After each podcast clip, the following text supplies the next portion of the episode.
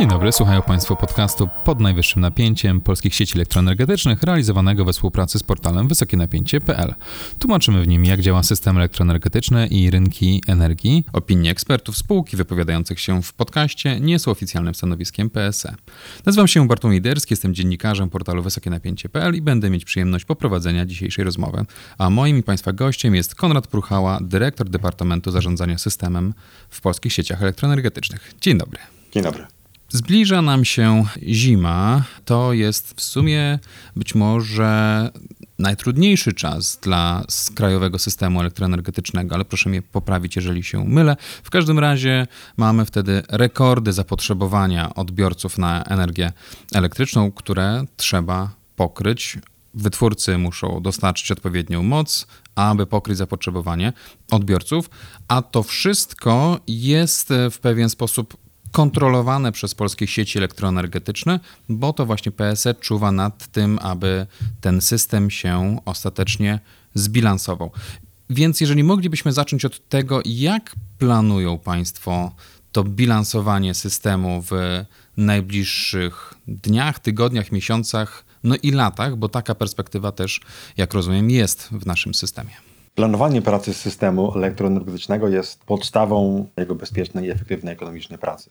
Planowanie odbywa się w różny sposób w różnych horyzontach czasowych. Priorytetem jest pokrycie zapotrzebowania odbiorców na moc i energię elektryczną, uwzględniając uwarunkowanie pracy sieci i uwzględniając uwarunkowania pracy jednostek wytwórczych oraz oczywiście wymagania bezpiecznej pracy systemu. Podczas planowania strony podażowej, czyli pracy elektrowni, musimy także uwzględnić konieczność zapewnienia nadwyżki mocy wytwórczych, które muszą być dostępne dla operatora, po to, aby w sytuacji, gdy mamy problem ze stroną podażową, na przykład mamy awarię elektrowni albo awarię elementów sieciowych, które skutkują z kolei awarią elektrowni, mamy rezerwę, która jest w stanie zapotrzebowanie pokryć i w każdej chwili jest w stanie tą moc do systemu dostarczyć.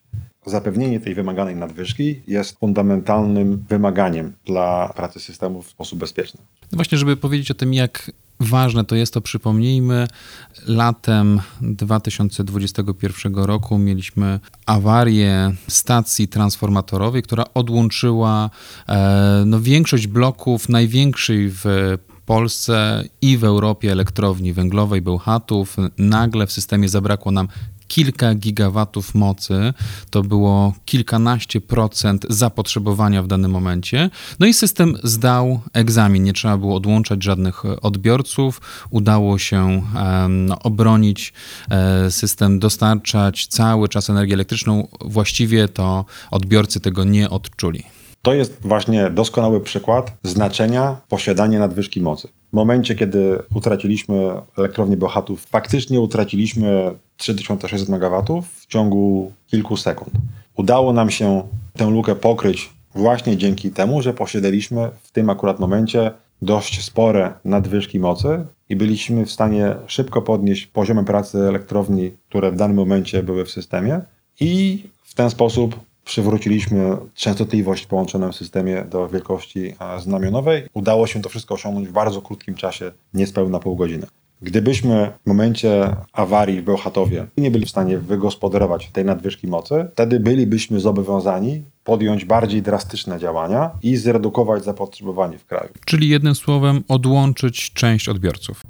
Tak, wymaganie utrzymania poziomu rezerw mocy w systemie oraz konieczność zbilansowania się jako kraj to jest wymaganie, co do którego niestety nie ma kompromisów. Musi być spełnione w każdym momencie, w każdej sekundzie. Każdy kraj ma taki obowiązek i każdy kraj musi dotrzymać tego wymagania, ponieważ w przeciwnym przypadku, jeżeli byśmy pracowali bez rezerwy i liczyli na szczęście, to oczywiście zawsze można się przeliczyć i przy utraceniu zdolności do zbilansowania systemu trudne zdarzenie w systemie spowodowałoby dużą odchyłkę częstotliwości, która spowodowałaby z kolei lawinę innych zdarzeń, na przykład odłączeń awaryjnych jednostek wytwórczych, być może także odłączenia zapotrzebowania po to, żeby, żeby przeciwdziałać właśnie upadkowi częstotliwości. Co do zasady, każda awaria ponadstandardowa, każda ponadstandardowa odchyłka częstotliwości grozi kaskadą, która może skutkować no, takimi bardzo nieprzyjemnymi konsekwencjami.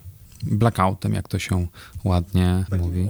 No blackout jest takim ostatecznym, już można powiedzieć, wywieszeniem białej flagi przez system, bo w tym momencie już no, system nie daje rady udźwignąć zapotrzebowania i, no i elektrownie się wyłączają, w związku z czym nie ma, nie ma zasilania i, i mówimy o dużych, dużych, rozległych e, problemach. System elektroenergetyczny w Europie jest na szczęście na tyle dobrze zaprojektowany i dobrze oautomatyzowany, jeśli takiego słowa można użyć, że plany obrony systemu właściwie zawsze są w stanie przeciwdziałać rozległym awariom. Znaczy do tej pory wszystkie trudne sytuacje, które się wydarzyły w systemie europejskim, no nie pociągnęły za sobą blackoutu, pociągnęły za sobą wyłączenie odbiorców. Być może nawet na dużą skalę, ale właśnie system w ten sposób się broni. Próbuje się zbilansować e, za pomocą automatyki zabezpieczeniowej po to, żeby, żeby za koszt odcięcia części odbiorców nadal jednak utrzymać w pracy jak największą liczbę jednostek wytwórczych i jak największą część zapotrzebowania. To powiedzmy sobie teraz o tym planowaniu właśnie e, no, zapotrzebowania, generacji i tych rezerw, które są wymagane. Może od tego najodleglejszego horyzontu do coraz bliższego, bo jak rozumiem, to planowanie e, jest e, coraz dokładniejsze wraz z zbliżającym się terminem, na jaki te, te plany tworzymy. W dłuższym horyzoncie czasowym operator sporządza plany wieloletnie, które oceniają wystarczalność generacji, rozumianą jako zdolność do pokrycia zapotrzebowania na energię elektryczną przy uwzględnieniu wymaganej nadwyżki mocy. Uwzględniamy w tych analizach nowe moce wytwórcze, które zamierzają się przyłączyć, czyli nowe inwestycje w nowe jednostki wytwórcze oraz nowe inwestycje sieciowe, które służą albo do przyłączenia tych nowych jednostek wytwórczych, jak na przykład teraz przyłączenia morskiej energetyki wiatrowej, lub po prostu rozbudowę systemu po to, żeby poprawić jego niezawodność. Następnie w krótszym horyzoncie czasowym, można powiedzieć w horyzoncie średnioterminowym, w perspektywie kilku, kilkunastu dni, aż do nawet e, roku, dwóch, trzech, pięciu, nadal oceniamy spodziewaną wystarczalność podaży mocy w systemie, przy czym zgodnie z obowiązującymi obecnie zasadami otrzymujemy od wytwórców informacje planistyczne na najbliższe 5 lat dotyczące dostępności ich jednostek wytwórczych, które to dostępność uwzględnia oczywiście nowe inwestycje, odstawienia istniejących bloków, czyli wyłączenie ich z eksploatacji oraz odstawienia tak zwane remontowe na wypadek właśnie jakichś przeglądów większych lub mniejszych. I te wszystkie plany też są publikowane na stronie PSE, e, więc można zobaczyć, jak wygląda ta perspektywa kilku najbliższych lat, jeżeli chodzi o wystarczalność mocy. Plany te są prezentowane na stronie PSE w odpowiedniej zakładce, to jest tak zwany bilans PBM, gdzie faktycznie informacje dotyczące oczekiwanego, spodziewanego stanu systemu na najbliższe 5 lat są na bieżąco publikowane i na bieżąco aktualizowane. Im bardziej zbliżamy się do czasu rzeczywistego, tym te informacje są bardziej wiarygodne, ponieważ wiemy więcej na temat konkretnych planów remontów. Wiemy także więcej na temat generacji odnawialnej oraz jej prognozy, bo oczywiście w dłuższym perspektywie nie wiemy nic. W perspektywie kilku dni mamy już prognozy, które no, mają umiarkowaną jakość, no, ale jednak są to prognozy, które dają nam jakąś wiedzę na temat tego, czego się możemy spodziewać ze strony generacji odnawialnej. Takich informacji nie mamy z perspektywy miesiąc, dwa, trzy, no bo możemy tylko wyłącznie opierać się na statystyce, która nie jest e, wystarczająco wiarygodna po to, żeby na tym opierać swoje istotne decyzje. No właśnie, bo powiedzmy sobie jeszcze może o tej energetyce odnawialnej. E, mamy zainstalowane w kraju kilka gigawatów mocy w elektrowniach wiatrowych, w elektrowniach fotowoltaicznych kilkadziesiąt gigawatów w elektrowniach konwencjonalnych i w takim perspektywie najbliższego roku Jakie moce przyjmują Państwo w tych e, analizach? Na, na, na jakie moce elektrowni konwencjonalnych, a na jakie moce elektrowni odnawialnych operator może liczyć? Perspektywie średnioterminowej, czyli takiej dłuższej niż kilka dni, w zakresie jednostek wytwórczych konwencjonalnych mamy informacje o ich dostępności i zakładamy, że te jednostki będą dostępne z taką mocą, jakiej informacje otrzymamy w ramach planów ich pracy. Jeżeli chodzi o generację wiatrową lub fotowoltaiczną, no to w tym planowaniu średnioterminowym my jako operator przyjmujemy raczej tą hipotezę niską w tej dłuższej perspektywie czasowej, po to, żeby zobaczyć, gdzie jesteśmy, jeżeli chodzi o bilans. Wolimy zobaczyć obraz umiarkowanie pesymistyczny niż przesadnie optymistyczny, a przez co nie być świadomym, że problem zbliża się do nas coraz większymi krokami i będziemy podejmować jakieś nadzwyczajne działania, żeby system zbilansować.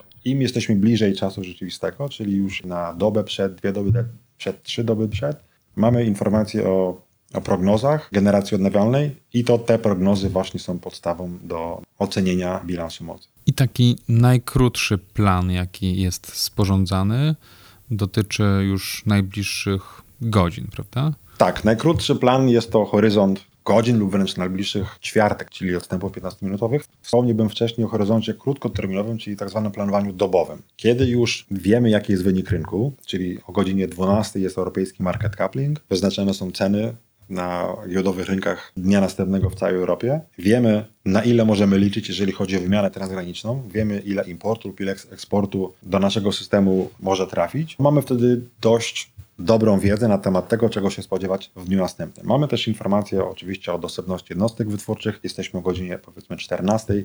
Wiemy, jakie jednostki są dyspozycyjne do uruchomienia. Wiemy, jakie jednostki obecnie znajdują się w systemie. Wiemy, jakie jednostki będą za chwilę wyłączane, na przykład rozpoczynają planowy remont. W związku z czym składamy ten bilans i patrzymy, czy jednostki wytwórcze będące w dyspozycji operatora, tak zwane jednostki centralnie dysponowane, plus jednostki wytwórcze przemysłowe, elektrociepłownie, czyli wszystkie inne jednostki, które nie są centralnie dysponowane, ale jednak tutaj bilans pomagają, plus generacja odnawialna, fotowoltaiczna, wiatrowa, elektrownie wodne oraz bilans handlowy kraju, czyli saldo wymiany. Porównujemy ten bilans z zapotrzebowaniem krajowych odbiorców oraz oczywiście z tą potrzebą zachowania wymaganej rezerwy mocy. I jeżeli widzimy, że w planowaniu dobowym ta rezerwa mocy, której, które, której potrzebujemy, którą określamy na 9%, czyli 9% zapotrzebowania do pokrycia przez elektrownie krajowe potrzebujemy mieć odstawione na boku, w cudzysłowie mówiąc, po to, żeby można było je aktywować w każdej chwili, kiedy wydarzą się nieprzewidziane sytuacje typu awarie, typu wzrost zapotrzebowania itd., tak itd. Tak kiedy tych 9% nie mamy, no to wtedy no, nie zbilansowaliśmy systemu z odpowiednim marginesem bezpieczeństwa. Musimy podjąć, e, podjąć odpowiednie działanie. Warto jeszcze podkreślić rzecz następującą. Kiedy sporządzamy ten bilans dobowy, no patrzymy przede wszystkim na to, co zrobili uczestnicy rynku. Co do zasady, uczestnicy rynku bilansują system, ponieważ odbiorcy w kraju kupują energię elektryczną na swoje potrzeby, czy to bezpośrednio sami jako aktywni gracze, czy przez swoich pośredników, czyli dostawców energii, którzy, którzy mają z nimi podpisaną umowę uczestnicy rynku ten system bilansują po to, żeby zapewnić pokrycie dla swoich potrzeb energetycznych. I w sytuacji, gdy okazuje się, że te potrzeby nie są pokryte w wystarczający sposób, z wystarczającą nadwyżką, no to w tym momencie operator ma pewne ryzyko i musi tym ryzykiem zarządzić w taki sposób, żeby tą rezerwę zapewnić. No i jest zobowiązany podjąć szereg działań i te działania podejmuje. No właśnie, to powiedzmy teraz w takim razie, jakie narzędzia ma operator w sytuacji, kiedy stwierdzi, że ta nadwyżka generacji planowana przez wytwórców w stosunku do szacowanego zapotrzebowania jest zbyt mała. Mówimy o mniej więcej takich mocach, e, gdzie odbiorcy w Polsce średnio rzecz biorąc potrzebują około 20 gigawatów. To jest kilkanaście gigawatów e, w nocy, dwadzieścia kilka e, w ciągu dnia. Więc jak rozumiem, ta rezerwa to jest około 2 gigawatów, jakie powinny być w gotowości do przejęcia tego zapotrzebowania. No to jest wielkość jednej takiej e, średniej wielkości elektrowni węglowej. Tak, te około 2000 MW jest wielkością rezerw, która jest nam niezbędnie potrzebna po to, żeby móc w sposób bezpieczny no, przejść przez te najtrudniejsze momenty dnia, kiedy zapotrzebowanie jest najwyższe. Z reguły te momenty nie, nie trwają godzinami, tylko te szczyty zapotrzebowania są krótkotrwałe. Na jesieni trwają one około pół godziny do godziny. W okresie zimowym to się trochę wydłuża i ten szczyt zapotrzebowania rozlewa się na, na kilka dobrych godzin i różnice między szczytem wieczornym, kiedy zapotrzebowanie odbiorców najwyższe, a szczytem porannym w dni zimowe, te różnice nie są wielkie. Są oczywiście widoczne, niemniej jednak w okresie zimowym zapotrzebowanie jest po prostu wysokie. W okresie jesiennym i w okresie wiosennym no te różnice pomiędzy szczytem porannym a szczytem wieczornym są największe. W związku z tym ten problem pokrycia zapotrzebowania dotyczy z reguły krótszych okresów czasu. Niemniej musimy tą rezerwę zapewnić i musimy, musimy ten, ten system w sposób bezpieczny zbilansować. Co w sytuacji, kiedy ta moc planowana przez wytwórców do dostarczenia odbiorcom i te szacowane zapotrzebowanie odbiorców w kraju plus wymagana rezerwa nie będą wystarczające, będzie za mało generacji e, względem prognozowanego zapotrzebowania. Jakie narzędzia ma wtedy operator systemu przesyłowego? No w takim przypadku operator musi ten system zbilansować i musi spróbować zwiększyć dostępną nadwyżkę mocy po to, żeby wymaganą poziomu zapewnić. Przede wszystkim pierwszym działaniem, które operator podejmie będzie, będzie przywołanie do pracy jednostek wytwórczych, które być może stoją w rezerwie zimnej i akurat nie są, nie są planowane do pracy. To jest akurat najprostsze, bo, bo, bo podczas planowania, które odbywa się po południu, w dniu poprzedzającym dostawę, możemy jednostki wytwórcze uruchomić i ten czas wyprzedzenie jest wystarczający po to, żeby, żeby ten nawet długi czas rozruchu nie był problemem. Innym sposobem poprawy bilansu jest zmiana terminów remontów, znaczy przesunięcie niedyspozycyjności jednostek wytwórczych. W sytuacji, gdy mówimy o gdy mówimy o, o, planowaniu dobowym, no to jest to narzędzie dość mało dostępne, ponieważ bardzo często te remonty mają bardzo konkretne harmonogramy. No niemniej jednak czasami możemy uzgodnić z jednostką wytwórczą, z elektrownią, że jej odstawienie nastąpi 3 godziny później, tak, bo akurat te 3 godziny mają krytyczne znaczenie dla zapewnienia wymaganej nadwyżki akurat na dany moment, bo stało się coś nieprzewidzianego, przez co bilans jest bardzo napięty i akurat można byłoby ten bilans odbudować poprzez przesunięcie takich bardzo w krótkim terminie. Następnym elementem, który przez operatora jest wykorzystywany, jest korzystanie z elektrowni szczutowo-pompowych. Mamy tę szansę w postaci elektrowni, które mają zdolność do magazynowania energii poprzez przepompowanie wody ze zbiorników znajdujących się niżej do zbiorników wodnych znajdujących się wyżej. Możemy tę energię przepompować, na co oczywiście energię zużywamy i w sytuacji, gdy mamy potrzebę skorzystania z dodatkowych mocy wytwórczych, w tym momencie uruchamiamy te elektrownie jako generatory, czyli przepuszczamy wodę z zbiornika górnego do zbiornika dolnego, która ta woda napędza turbinę i powoduje produkcję energii elektrycznej, przez co możemy ten bilans e, wspomagać. W przypadku ESP-ów one bardzo często wspomagają bilans po prostu samym faktem, że są, mają napompowane zbiorniki, w związku z tym w każdej chwili, kiedy będzie taka potrzeba, mogą moc do systemu dostarczyć. A generalnie dostarczają rezerwy mocy, czyli dokładnie to, co jest nam potrzebne w sytuacji odbudowywania bilansu. Innymi możliwościami jest korzystanie z usług, za które uczestnicy rynku otrzymują pieniądze. Są to e, skorzystanie z usługi praca przy przeciążeniu, czyli krótkotrwałe przeciążenie niektórych jednostek wytwórczych. Dotyczy to zaledwie kilku elektrowni w kraju, które mają taką, taką zdolność. W określonych warunkach może to być przydatna e, funkcjonalność. Mamy także możliwość skorzystania z usługi generacji wymuszonej, czyli przywołania elektrociepłowni, które akurat w danym momencie nie produkują, a mogłyby produkować i wspomagać bilans. W związku z tym w określonych warunkach można z tego skorzystać. I mamy także usługę zarządzania popytem, czyli wezwanie odbiorców, którzy mają taką zdolność do, do, do zmiany swojego zapotrzebowania w odpowiedzi na operatora. Możemy ich wezwać do tego, żeby złożyli odpowiednią ofertę na rynku bilansującym.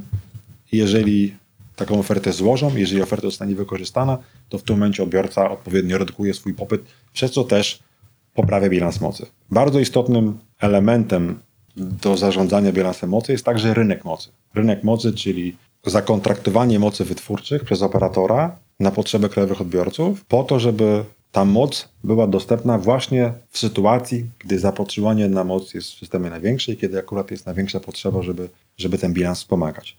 Aby móc skorzystać z rynku mocy, operator w sytuacji, gdy widzi, że bilans jest zagrożony, ogłasza okres zagrożenia dostaw energii elektrycznej i wszyscy posiadacze kontraktów mocowych są zobowiązani tę moc operatorowi pokazać i przedstawić ją do dyspozycji operatora. I w ten sposób bilans powinien zostać odbudowany. Ale na rynku mocy poza wytwórcami mamy też odbiorców energii i oni także otrzymują płatności za to, aby być e, w gotowości. Więc jak rozumiem, też ta redukcja zapotrzebowania tutaj może zadziałać. Bardzo liczymy na to, że zasoby świadczące tzw. Tak usługę DSR, czyli odbiorcy skłonni obniżyć swoje zapotrzebowanie w sytuacji ogłoszenia okresu zagrożenia, odpowiednio zareagują i faktycznie to zapotrzebowanie zredukują. No to jest bardzo ważny aspekt i na tym de facto opiera się cała koncepcja DSR, że odbiorcy faktycznie w sytuacji, gdy jest taka potrzeba, zapotrzebowanie zredukują zgodnie z posiadanymi kontraktami. A co jeżeli jesteśmy odbiorcą, który nie ma takiego kontraktu i mówimy tu i o przedsiębiorstwach i nawet o każdym indywidualnym odbiorcy każdej rodzinie. Czy jesteśmy w stanie w jakiś sposób też w takich sytuacjach wesprzeć system realnie? Absolutnie tak. Mam tu na myśli racjonalne korzystanie z energii elektrycznej. Szczyty zapotrzebowania nie trwają 24 godziny na dobę, tylko są to z reguły krótkie okresy czasu. Na naszej szerokości geograficznej są to w okresie zimowym są to zimowe wieczory, w okresie letnim są to szczyty w okolicach godziny 12-13. Na pewno odbiorcy mają możliwość skorzystania z taryfy dwustrefowej, która pozwoli na skorzystanie z tańszej energii elektrycznej poza godzinami szczytu. Inną możliwością jest zawarcie kontraktu z tak zwaną taryfą dynamiczną, która to taryfa e, ma różną cenę energii elektrycznej w zależności od na przykład od ceny giełdowej. No nie jest to jeszcze bardzo popularny sposób e, zakupu energii w Polsce. Na rynku europejskim jest to już dość rozpowszechnione i mam nadzieję, że my także szybko podążymy tym krokiem. Niezależnie od posiadanej taryfy, każdy odbiorca może wspomóc system poprzez unikanie poboru energii w tych najbardziej newralgicznych godzinach, czyli w sezonie jesiennym jest to godzina 20, 19.30. W sezonie zimowym są to godziny między 16-17 a 19-20. Wtedy poprzez unikanie na przykład robienia prania albo innych energochłonnych zajęć pozwalamy systemowi złapać oddech. Zmniejszamy także obciążenie emisjami, ponieważ w tym momencie, kiedy mówimy o szczytowym zapotrzebowaniu, pracują najdroższe i najmniej efektywne jednostki wytwórcze, w związku z tym w ten sposób można także wspomagać środowisko. Więc bardzo serdecznie zachęcamy do tego, żeby próbować także, mimo, nawet jeżeli ktoś nie ma, nie ma taryfy dwustrefowej lub nie ma taryfy dynamicznej, starać się rozkładać swoje zapotrzebowanie w taki sposób, aby możliwie jak najmniej system obciążać.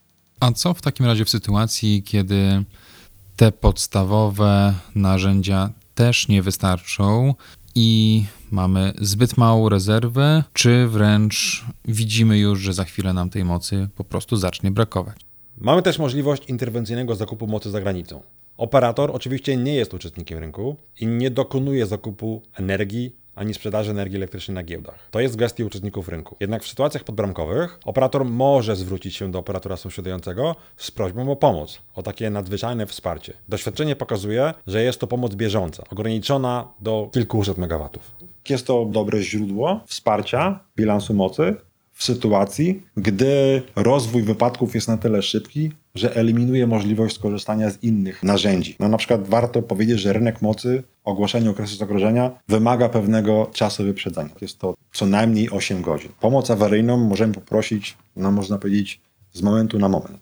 I jeżeli widzimy taką potrzebę, to dyspozytorzy Krajowej Dyspozycji Mocy kontaktują się ze swoimi odpowiednikami za granicą i o taką pomoc awaryjną proszą, przez to system jest wspomagany. No czasami też jesteśmy my proszeni o pomoc awaryjną i oczywiście także w miarę możliwości jej udzielamy. I co ciekawe, w 2020 roku to Polska częściej pomagała naszym sąsiadom. My więcej energii eksportowaliśmy awaryjnie na przykład do Niemiec, do Szwecji, niż sami jej pobieraliśmy. No tak, tak, tak to czasami bywa. Wszystko zależy od tego, co, co, się, co się w systemie wydarzy.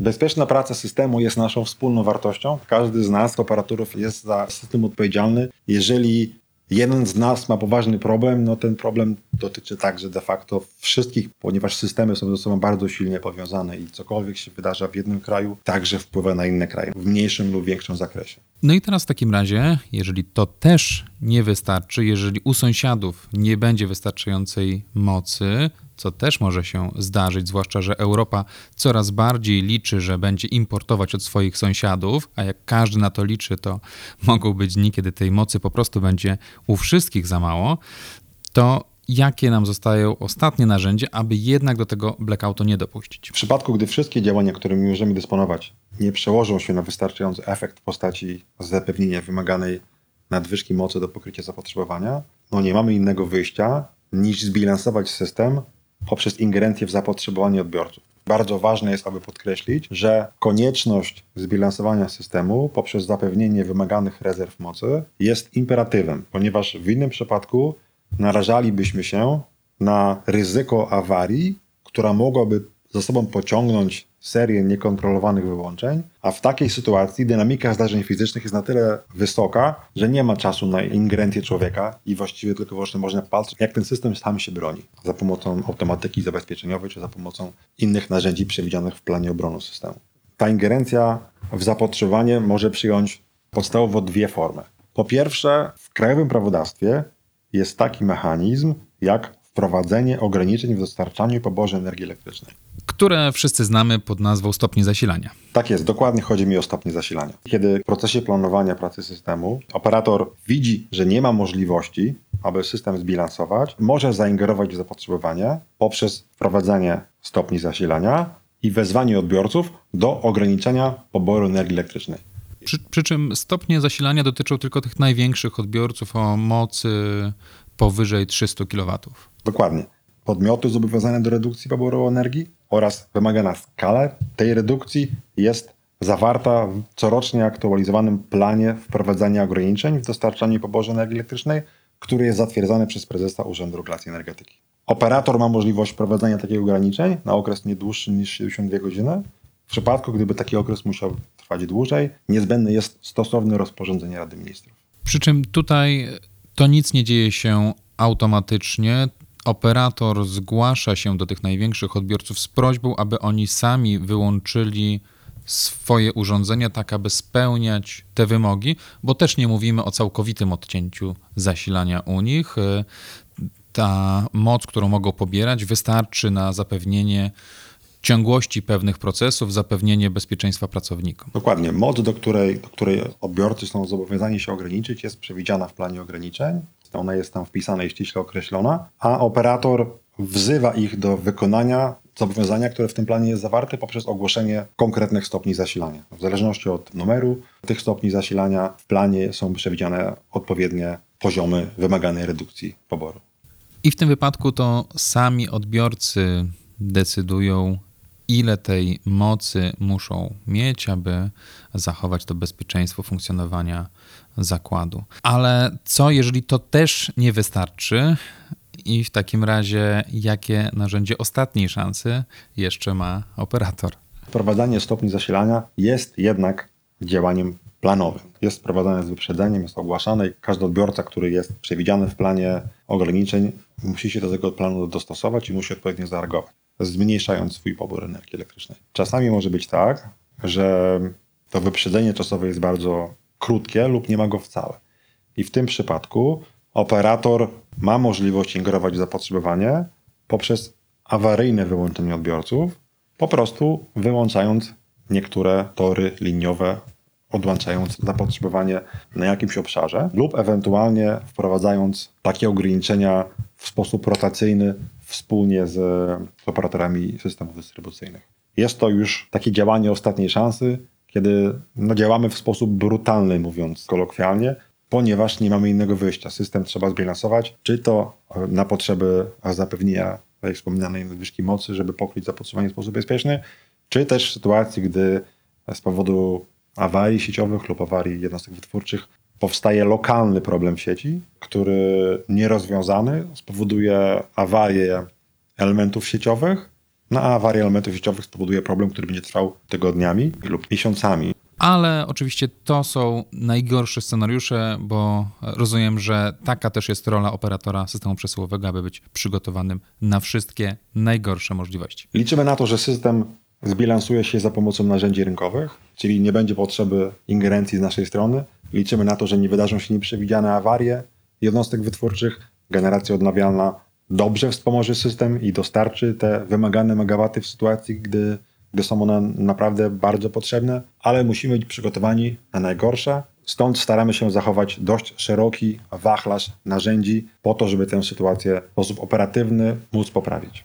I liczymy w takim razie na to, że z tych narzędzi przedostatniej czy ostatniej szansy nie trzeba będzie e, korzystać. A pamiętajmy, że każdy z nas ma wpływ na zapotrzebowanie na moc. Wszyscy razem ją tworzymy, więc nawet e, w gospodarstwie domowym możemy też część tej odpowiedzialności na siebie wziąć. I właśnie tak jak wcześniej wspominaliśmy, e, przesunąć to zużycie energii z tych godzin szczytowych, zwłaszcza e, zimą, jesienią, z tych wieczornych godzin między 17 a 20. Dziękuję serdecznie za tą bardzo ciekawą e, rozmowę. Przypomnę, że moim Państwa gościem był Konrad Purchała z Polskich Sieci Elektroenergetycznych. Dziękuję. Dziękuję Państwu za wysłuchanie. Zachęcam do odsłuchania pozostałych podcastów pod najwyższym napięciem i do usłyszenia w kolejnej rozmowie.